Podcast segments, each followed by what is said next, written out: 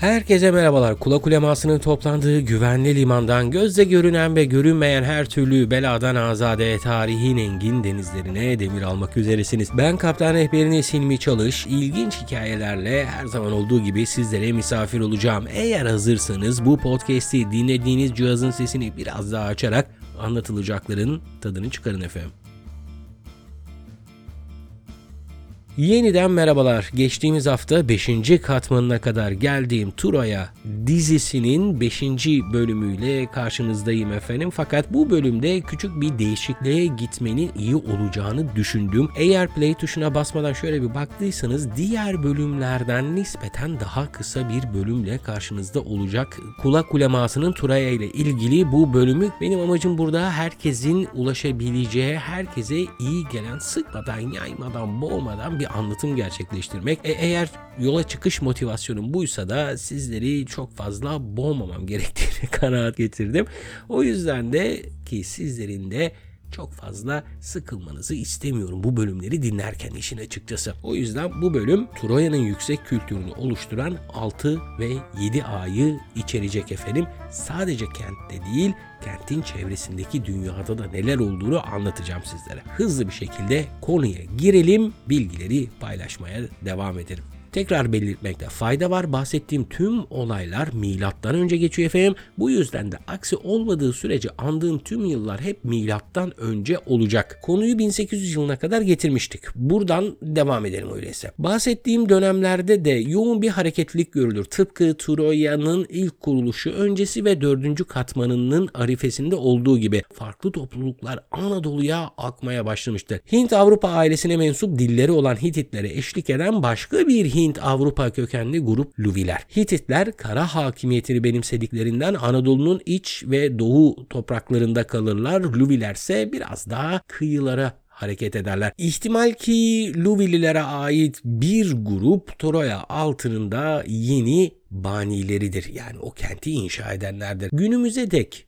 kent kazılarında ele geçmiş yegane yazılı kaynak olan o mühürde dahi bu dilin alfabesi kullanılmış. Yani Luvice yazılmış bu mühürde. Bir veba salgınıyla son bulan 5. katmandan sonra bu topraklara ait olmayan Luvili hakimler daha öncekinden çok farklı uygulamalarla kenti ihya ederler. Öyleyse önce bu güzelliği gözümüzde bir hayal etmeye çalışalım. Kent halkı yeni katılımcılarla kalabalıklaşmıştır. 4. ve 5. katmanlarda yukarı kente sıkışan nüfusun artışına paralel olarak önce yeni surlar yapılır 6. katmanda. Daha geniştir bu kent önceki muadillerine göre. Bu sur 1600 ila 1300 yılları arasında 3 defa inşa edilmiştir. Günümüzde 6. katmana ait sayılan sur işte bu 1300 yılında yapılan son surdur. 550 metrelik çevresiyle dairesel bir yapısı vardır bu duvarın 5 metre kalınlığında ve 8 metre yüksekliğindedir. Bir de bu 8 metrelik taş duvarın üzerine 2 metrelik de kerpiç tuğlalarla ek yapılmış. Görkemli bir güney kapısı vardır surların. Kentin kapılarına şöyle bir bakacak olursak bu kapıların önünde de sunak taşları var. Büyük bir ihtimal ki Apollon'a adanan sunularla kente gelenler tanrıları da selamlamışlar. Güney kapısının ardında bir megaron. Basit bir yer değildi. Bir tapınaktı burası ve surların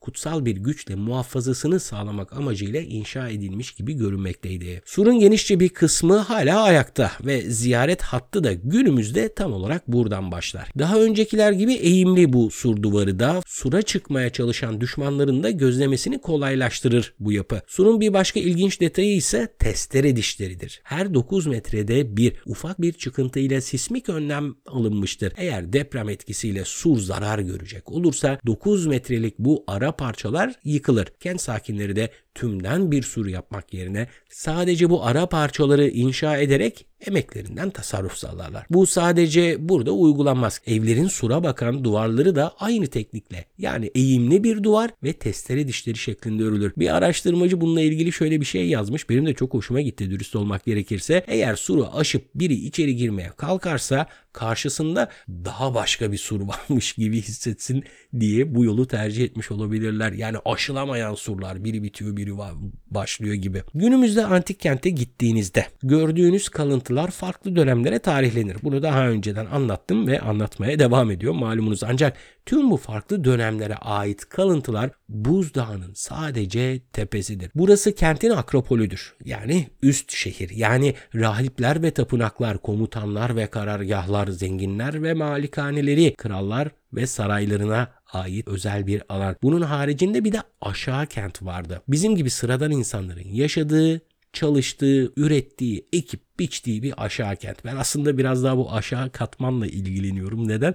Çünkü eğer ben de o zamanlarda yaşasaydım o kentte alt sınıfa ait biri olurdum diye düşünüyorum. Ee, o yüzden de aşağı kent hayatın olduğu bir yer olduğu için ilgileniyorum aşağı kentle. Şimdi bu detayı atlayıp da kenti görmek için gelenler ilk karşılaştıklarında ki ben de rehber olmadan önce e, geldiğimde Troya'ya böyle hissetmiştim. Ee, bir hayal kırıklığı yaşanıyor. Aslında bu hayal kırıklığı bizle sınırlı kalmamış. Hatta 1960'larda Hattuşa'yı da kazanan Alman Arkeoloji Enstitüsü Başkanı Kurt Bittel ortaya çıkan Troya'yı bir korsan reisin sığınağı kıyı kasabası şeklinde basite indirgemiş. Osman Korfman dahi ilk başlarda aynı fikirdedir. Turaya kazı başkanı olunca yaptırdığı çevre değerlendirmeleri, ilave kazılar ve sondajlarla devasa bir alt kentin varlığını ortaya koyunca da fikri başlı başına değişmiş. Dediğim gibi çok küçüktür bu antik kent ama 1990'larda bir nevi MR diyebileceğimiz teknikle yeraltı görüntülenince çok enteresan bir şeyle karşılaşılır. Turaya adlı antik kentin 6. katmanı alt kentle beraber yaklaşık 250 bin metrekarelik bir alanı kaplamakta. Bu devasa alt şehirde ne vardı ve insanlar burada nasıl yaşıyordu sorularına cevap bulmaya çalışalım o zaman. Hazırsanız Turaya'nın bu alt kentinde bir hayali gezinti yapalım. Turaya altının hem alt şehrinde hem de Akropolünde yani üst şehrinde yapılar ortak duvarla yapılmamıştı. Tişik nizamda değildi buradaki yapılar. Megaronlarla beraber L gibi karmaşık planlı evler de mevcuttu. Akropolden aşağı doğru bir yelpaze gibi açılan bu alt kent elbette daha kalabalıktı. Alt kentin sakinleri zanaat erbabı ve çiftçilerdi. Yapı işini daha geliştirmiş olacaklar ki evlerine bir de kat çıkmaya başlamışlar. Günümüzde çoğu Anadolu Türk evinde olduğu gibi giriş katlar depo ve ahır olarak kullanılmış, üst katlarsa insanların yaşadığı yerler şeklinde tercih edilmiş. Kentin su ihtiyacı bölgedeki iki nehir, Dümrek ve Kara Menderes nehirlerinden elde edilir. Bununla beraber her iki kesbil ayrıldığı önemli bir detay vardır. Yukarı kentin yapı malzemesi ağırlıklı olarak taştır. Alt kentte taş nadiren görülüyor ama yapı elemanı ağırlıklı olarak ahşaptır. Hitit metinlerinde bile bu şekilde tanımlanır Tura'ya. İleride detaylıca anlatacağım onları. Yeraltı görüntüleme teknikleri ve sondajlar sayesinde bu alt kente ait çok enteresan bir şey daha öğreniriz. Bu alt kentin de bir suru vardır. Lakin bu sur ahşaptır. Sadece sur değildi. Aynı zamanda kent savunmasına destek vermesi için 2 metre genişliğinde 4 metre derinliğinde uzunca ve derince hendek vardır ahşap surun önünde. Bu katmanda ilk defa görülen önemli bir hayvanı da anmakta fayda var. At. Turaya altı ilk defa ata ev sahipliği yapar. E, gücünden faydalanılan, pulluk çekmekte kullanılan bir hayvan değil. Altıncı katmanın en önemli besinlerinden bir tanesi protein kaynağı olarak da at çıkar karşımıza. At da yemişler efendim o dönemin insanları. E, büyük bir ihtimal Luvililer tarafından geliyor buraya. Çünkü buraya ait değilmiş. At bunu da öğreniyoruz yine yapılan çalışmalarda. Çok da sevilmiş ve kentin kaderine de etki ediyor bu efsanevi anlatılardan diye. Burada bırakalım bu faslı ve yeni bir başlık altında kentin hem doğusuna hem de bir batısına bakalım. Çünkü iki büyük güç vardır bu dönemde her iki yönde ve bunların çarpışmasına da az bir süre kalmıştır. Hitit ve Aka kuvvetleri ara ara birbirlerini kırıyorlardı Turaya'nın sağında solunda. Bu kanlı çarpışmalar yukarıda bahsettiğim görkemli kent sakinleri tarafından da yakinen takip edilmiş. İhtimal ki mevcut refahını koruyabilmek içinse şimdilerde pek yüzüne bakılmayan diplomasiyi kullanma yoluna gitmiş Troya altının yaşayanları. 2000 yılı tabii ki yine milattan önce başlarında Yunan Yarımadası'na bir grup insan girer. Bazı kaynaklar bunların kuzeyden geldiğini yazmış. Bir kısmı da Anadolu tipi megaronlara öykünen evlerinden yola çıkarak Anadolulu olduğunu anlatmışlar. Uzun hikayedir bu biz devam edelim. Yarımadanın ortasına yerleşen bu kavim zamanla Girit kökenli Minos uygarlığı ile ilişkilerini geliştirmişler. Onlardan çokça gelenek devşirmişler. Neticede uygun zaman gelince de Minosluları tarih sahnesinden silip atmışlar. 1600'den itibaren de başta Ege Denizi olmak üzere Doğu Akdeniz'de ticaretin beyefendileri olmuşlar. Tarih kitaplarında Miken şeklinde anılan bu topluluğa ben biraz da Homeros'un mirasına saygı ve biraz da o dönemden kalan belgelerden yola çıkarak Aka şeklinde anacağım. Konuya dönelim. Akalar hakimiyet alanını genişletmek ve daha fazla limanda borusunu öttürebilmek için farklı yollara başvururlar. Bunlardan biri de güncel bir tabirle vesayet savaşıdır. Özellikle Ege kıyısında bulunan Anadolu yerleşimleri üzerinde bazı planlarını devreye sokarlar. Onlara silahlar verirler. Onlara asker desteği vererek Hititlere karşı baş kaldırmalarını sağlarlar. Her ne kadar Hitit dosyasında detaylıca anlatacak olsam da kısaca Hitit okuması yapmak yerinde olacak. Bu iki gücün çarpışmasını anlamak için ve Troya'nın bu iki gücün arasında nasıl ezildiğini bir şekilde teyit etmek için. Hitit kralları zaman içindeki taht mücadeleleri ve dış tehditleri bertaraf ederek düzenlerini oturttular. Anadolu'da buhranlı geçen süreç sonunda 2. Tutalya krizleri ortadan kaldırıp Hitit'in muhteşem yüzyılını başlatır. Bu dönemde ilk defa topraklarına saldıran Ahiyava'nın varlığını öğreniriz. Çok detaya girmeden diyebilirim ki Ahiyavalılar bizim akalardır. Ege'de hakimiyet alanını genişletmek isteyen Ahiyavalıların Miluvanda adlı kente almaya çalıştığını okuruz. Anal adı verilen yıllık raporlarında şunları okuruz. İkinci Tutalya'nın ağzından 22 kent devleti sayar kendine saldıran ve net bir ifadeyle şunu söyler.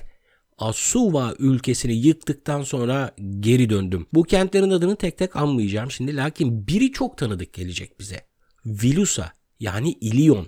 Hadi daha kabul ettiğimiz adla söyleyeyim de Troya yani efsanevi savaşın her iki tarafı da dönem itibariyle belgelenmiş ve teyit edilmiştir artık bizim tarafımızdan. Yani hem Akalar hem de Troyalılar gerçekten vardı. Bunu özellikle söylüyorum çünkü bazı yerlerde bütün bu savaş hikayesinin bir efsane olduğunu anlatmaya devam ediyor bazı araştırmacılar ama belgeler yalan söylemiyor. Tarihsel metinlerden Troya'yı teyit etmeye devam edelim. Madem girdik bu yola Kadeş Savaşı'na dünyadaki ilk yazılı bir belge ile barışın imzalanmasına neden olan savaşa. Bu savaşın hemen arifesinde yazıldığı tahmin edilen bir metnin içinde bir kez daha Vilusa kentini görürüz. Çok dallanıp budaklandı. Hilmi nerelere geldik, neler anlatıyorsun, biz Tura'ya dinlemeye geldik Hititler, Akalar filan derken bambaşka bir yerdeyiz diye düşünüyor olabilirsiniz. Gayet de haklısınız ama e,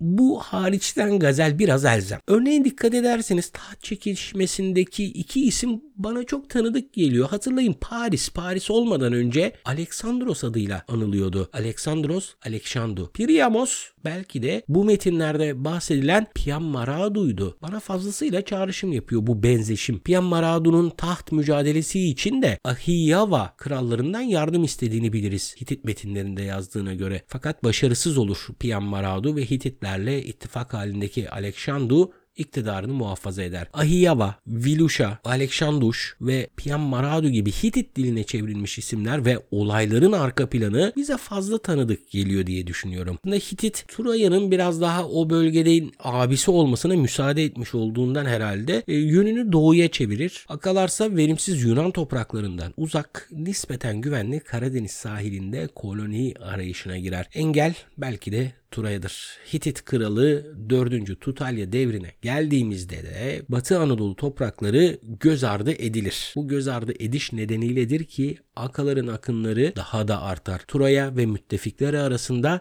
Hitit yoktur. Devrin Anadolu beyi o vakit için doğudadır. Kadeş Savaşı'nda kendilerine yardım eden Turayalılara yardım etmez Hititler. Meşhur at hilesiyle kent düşer, hakimiyet değişir. Kent artık akalarındır. Şu at mevzunu dillendireyim ve bu bölümü burada bağlayayım efendim. Detaya girmeden cevap vereyim. Hayır. At olmadı. Neden olmadı? Çanakkale 18 Mart Üniversitesi Arkeoloji Bölümü profesörlerinden Reyhan Körpe'nin makalesinden benim fikirlerimi de net bir şekilde somutladığı için aynen aktarıyorum efendim. At bir savaş hilesi değil adaktır. At Poseidon'un atribütü yani sembolüydü. Onun cezası ise yani Poseidon'un cezası ise depremde. Homeros Poseidon'u Ennosi Gaios yani yeri titreten şeklinde anar. At Akalar tarafından bir depremle Troya surlarını yıkan Poseidon'a adaktır. Zaman makinesini ileri saralım. Bu hikaye bana Orhan Gazi'nin oğlu Süleyman Paşa'nın bir depremle surları yıkılan Çimpe Kalesi'ni hızlı bir hamleyle almasını hatırlatıyor. Deprem, yıkılan surlar, fetih, ödül olarak Tanrı'ya şükran için adaklar. Tarih tekerrür eder mi, etmez mi bilmiyorum. Ama olaylar her dönem fena halde birbirine benziyor diye savaşa kadar geçen, savaşın şartlarını oluşturan dünyayı, toplumları, olayları anlattığım bu bölümde sizlere şimdilik veda etme vakti geldi efendim. Çok uzun sürmez. Bu konunun ikinci kaydı da bu hafta içerisinde sizlerle beraber olur. Bir sonraki bölümde görüşünceye kadar mutlu kalın, sağlıklı kalın ve esen kalın efendim.